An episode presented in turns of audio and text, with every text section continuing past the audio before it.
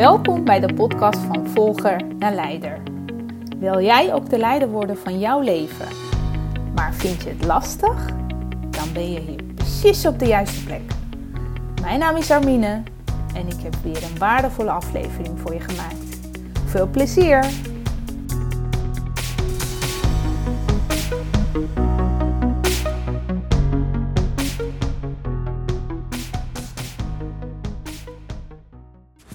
Hey lieve luisteraar.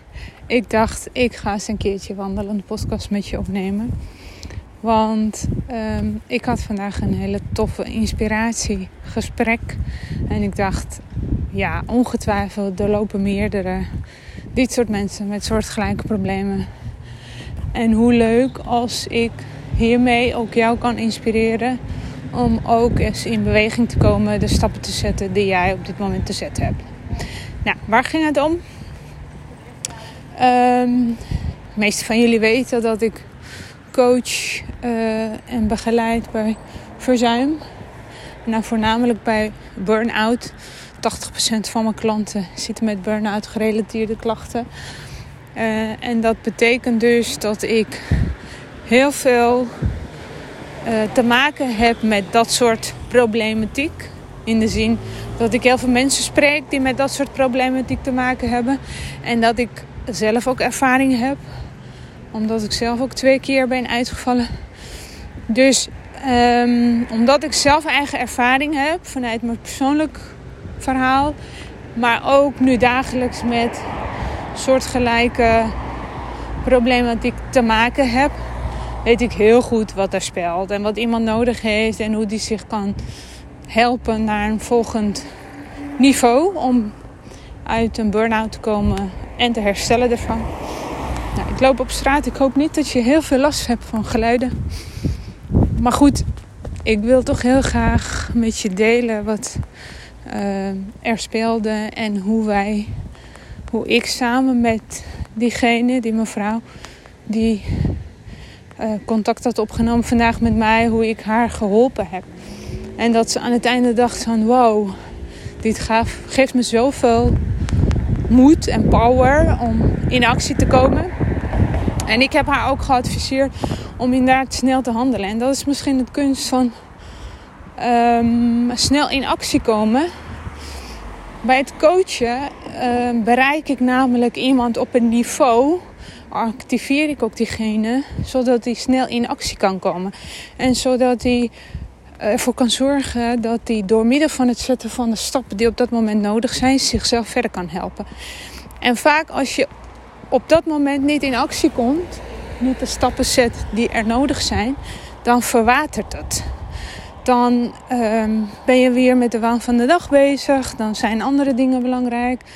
Ben je met je kinderen bezig, met je gezin, met nou, wat dan ook op dat moment belangrijk is. En dan vergeet je wat je eigenlijk zelf op dat moment heel erg nodig hebt. Wat het jou helpt om daar uit te komen. Dus ik heb haar ook gelijk geadviseerd. Ga alsjeblieft hier vandaag morgen werk van maken. Want hiermee ga je vooral jezelf helpen. Nou, waar zij heel erg moeite mee had.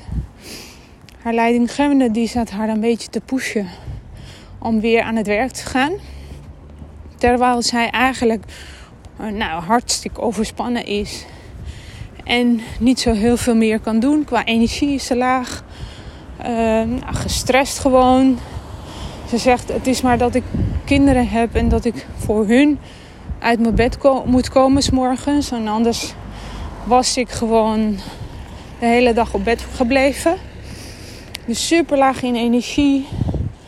Ja, geïrriteerd, kort lontje, vermoeid, noem het maar op allerlei dingen wat samenhangen aan een burn-out.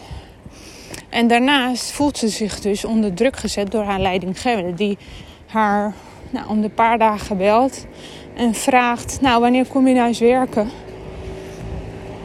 En waar zij dus heel erg moeite mee heeft, is om aan te geven aan diegene, aan de leidinggevende, dat het gewoon niet gaat met haar. Dat zij gewoon op dit moment niet eens voor zichzelf kan zorgen. Laat staan verantwoordelijkheid van het werk gaan oppakken. Dus zij was op zoek naar nou, oplossing voor dat vraagstuk van hoe kan ik mijn leidinggevende aangeven dat ik op dit moment niet in staat ben om te werken. Nou, toen heb ik samen met haar onderzocht van joh, wat is het beste wat bij je past op jouw manier? En wat zou het jou opleveren als jij duidelijk je grenzen kan aangeven? En we hebben dus samen zitten bedenken uh, welke stappen zij daarin kan nemen. En toen heb ik haar heel duidelijk uh, uitgelegd dat het wellicht op dit moment super lastig is, wat zij ook steeds aangaf, super lastig is om dat aan te geven. Duidelijk aan te geven, haar grenzen, dat het gewoon niet gaat. En dat de leidinggevende niet te veel verwachtingen van haar moet hebben. En dat ze de keuze hebt om dat op dit moment in één keer heel duidelijk aan te geven. Of keuze nummer twee is toch blijven aanmodderen, wat zij nu ook doet. Waar zij super gestrest van wordt als die leidinggevende contact met haar opneemt. Want ze zegt iedere keer als ik weet ze gaat zo weer bellen, dan moet ik mezelf soort van bewijzen of verantwoorden dat ik nu ziek ben en niet in staat ben om te werken. Dat geeft mij zoveel stress. Dat kost mij zoveel energie. Dus ik heb haar duidelijk gemaakt: ja, je hebt keuze uit twee dingen. Of je blijft doen wat je afgelopen tijden hebt gedaan. Maar dan weet je ook wat je krijgt. Of je zorgt ervoor dat je een keertje alle moed bij elkaar verzamelt. Je verantwoordelijkheid pakt. En aangeeft dat hier jouw grenzen liggen. Dat je tot hier en niet verder gaat. En dat je eerst op jezelf gaat focussen, op je eigen herstel. En dan pas gaat kijken wat je kan doen voor je werkgever. Dus op een gegeven moment vroeg ik van, kan je hier wat mee? Hoe is dit voor je? Nou, toen begon ze eigenlijk eerst keihard te huilen. Want ze zei, ja, ik vind dit heel confronterend. En dit is precies het probleem waar ik in het dagelijks leven tegenaan loop. Nou, nu is het mijn leidinggevende, een andere keer is het mijn partner, een andere keer zijn mijn ouders die van alles van mij verwachten. Ehm, en omdat ik moeilijk vind om nee te zeggen, dan ga ik maar mee instemmen. Maar eigenlijk kan ik het helemaal niet waarmaken. En dat is dan een frustratie nummer twee. En eigenlijk een natrap aan jezelf. Dat je, omdat je niet aangeeft wat je grenzen zijn, wat je wel of niet aan kan, weet een ander ook niet wat hij van jou kan verwachten. En dan ga je continu jezelf uh, zitten kwalijk nemen en jezelf naar beneden praten. Ehm, en eigenlijk ook hoopt ze dat een ander het ziet. Maar een ander ziet het niet zolang jij niet aangeeft wat je nodig hebt. Dus ja, ik had haar gelijk um, wakker geschud en um, aan het werk gezet. In ieder geval in actiemodus om hier wat mee te gaan doen. Um, en ze zou met haar leidinggevende in gesprek gaan hierover. Ondanks dat het super spannend is. Want ze zei: Ja, ik mail liever dan dat ik daar face-to-face in gesprek ga. Nou, ook dat heb ik aangegeven van goh, joh het, is, het werkt toch het beste als je persoonlijk met diegene aan tafel zit. Um, en misschien helpt het als, het als je in de eerste instantie voorbereidt. Maar dan kan diegene ook gewoon ruiken, voelen, proeven hoe jij daar staat. En communicatie via de mail, via WhatsApp of wat dan ook, dat is toch heel anders dan face-to-face -face aangeven wat het met je doet. En dan hoe zo'n leidinggevende ontvangt. Oh ja, dan, want dat was haar grootste probleem. Want voordat ze iets gezegd heeft, bedenkt ze dus van tevoren hoe zij zou reageren. En dan heel erg vanuit het punt dat de leidinggevende niet gelooft, niet zou geloven dat ze inderdaad zo diep in zit. En dat ze inderdaad zo ziek is op dit moment. Zo op dat zij nou, niks kan betekenen voor de leidinggevende, voor de werkgever. Dus dat ze zich soort van moet, gaan bewijzen. Dat vindt ze het moeilijkst. Maar voornamelijk dus het idee, of in ieder geval de mening van haar leidinggevende. Uh, en dat blokkeert haar om echt aan te geven waar ze mee zit. En toen heb ik ook aangegeven dat het niet haar probleem is wat de leidinggevende ervan vindt, maar dat het het probleem is van haar leidinggevende zelf.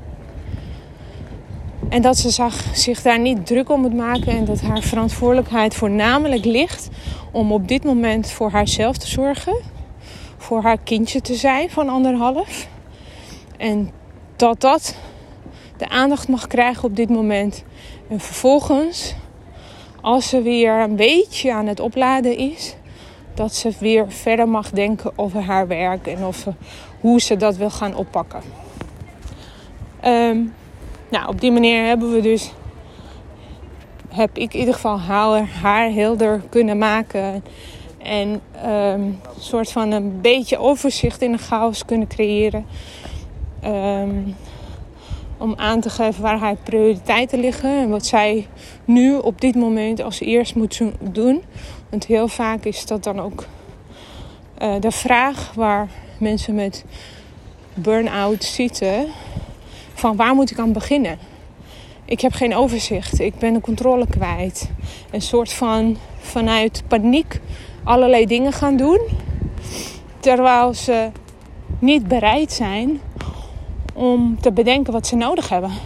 En ook dat was weer zoiets wat ze zei. Ja, ik ben altijd heel erg oplossingsgericht. En op dit moment kan ik absoluut geen oplossingen bedenken voor de problemen waar ik tegenaan loop. En dat is eigenlijk hartstikke normaal. Want als je op bent, als je gestrest bent, ehm, dan ben je ook niet creatief in je brein. Dan ben je ook niet bereid om te bedenken: wat heb ik nou nodig? Anders had je dat al eerder gedaan voor jezelf. Uh, anders had je al lang bedacht dat dit niet uh, de plek is waar je wil zijn. En dat dit de manier waarop jij met jezelf omgaat niet de manier is om tot herstel te komen. Nou, het was in ieder geval echt een fantastisch gesprek. Het heeft mij heel veel energie gegeven om haar op een plek te zetten, in haar kracht te zetten. Dat zij echt wel haar grenzen nog beter moet aangeven. En het begint met kleine dingen. Hè. Dus ik heb ook uitgelegd dat um, een verandering aanbrengen, vooral in zo'n situatie waar je je ziet. Het gaat erom dat je vaste patronen doorbreekt en dat je nieuwe gedrag aanleert jezelf. En dat is super energie. Het kost gewoon heel veel energie en super intensief op het moment dat je je niet lekker voelt en ook nog eens voor jezelf moet opkomen. Maar je moet het uh, zelf gaan doen. Een ander kan het niet oplossen voor jezelf. Dus hoe moeilijk dan ook, verzamel al je kracht bij elkaar en kom in actie. En je hoeft echt niet alles tegelijk, maar gewoon in kleine stapjes kijken en bedenken wat heb ik nodig op dit moment. Wat helpt mij om in kleine stapjes aan mijn herstel te werken. Nou, wat mij betreft is dat gelukt. Ik ga haar later weer spreken. Maar ik ben al super uh, blij, wou ik zeggen, dat zij um, die kracht in haarzelf heeft gevonden en dat zij het gesprek aangaat. Want dat gaat haar zo enorm verder helpen. Nou, dat wou ik dus even met je delen. Um, ik hoop dat je dit herkent en dat je ook uh, weer als je in zo'n situatie zit bedenkt van wat is nou hierin belangrijk en wat is mijn verantwoordelijkheid. En dat je daar weer stappen in gaat zetten. En vind je het lastig? En heb je sowieso wat fijn, wat tof. Ik zou eigenlijk ook uh, in mijn kracht gezet willen worden. Uh, neem contact met me op, want we kunnen samen kijken waarin jij staat. Wat zijn jouw uitdagingen? En hoe jij de oplossingen zelf kan bedenken die jij nodig hebt. Ik sta gewoon naast je. Ik wil je heel graag begeleiden naar een creëren van een beter leven voor jezelf. Want dat verdien je. Hey, dankjewel voor het luisteren. En ik spreek je volgende week. Wat super leuk dat je geluisterd hebt. Vond je deze aflevering waardevol? Geef me dan een review en abonneer je op de podcast.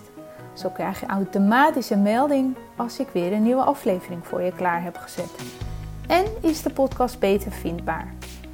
Waardoor ik meer mensen kan inspireren en motiveren om de leider te worden van hun eigen leven.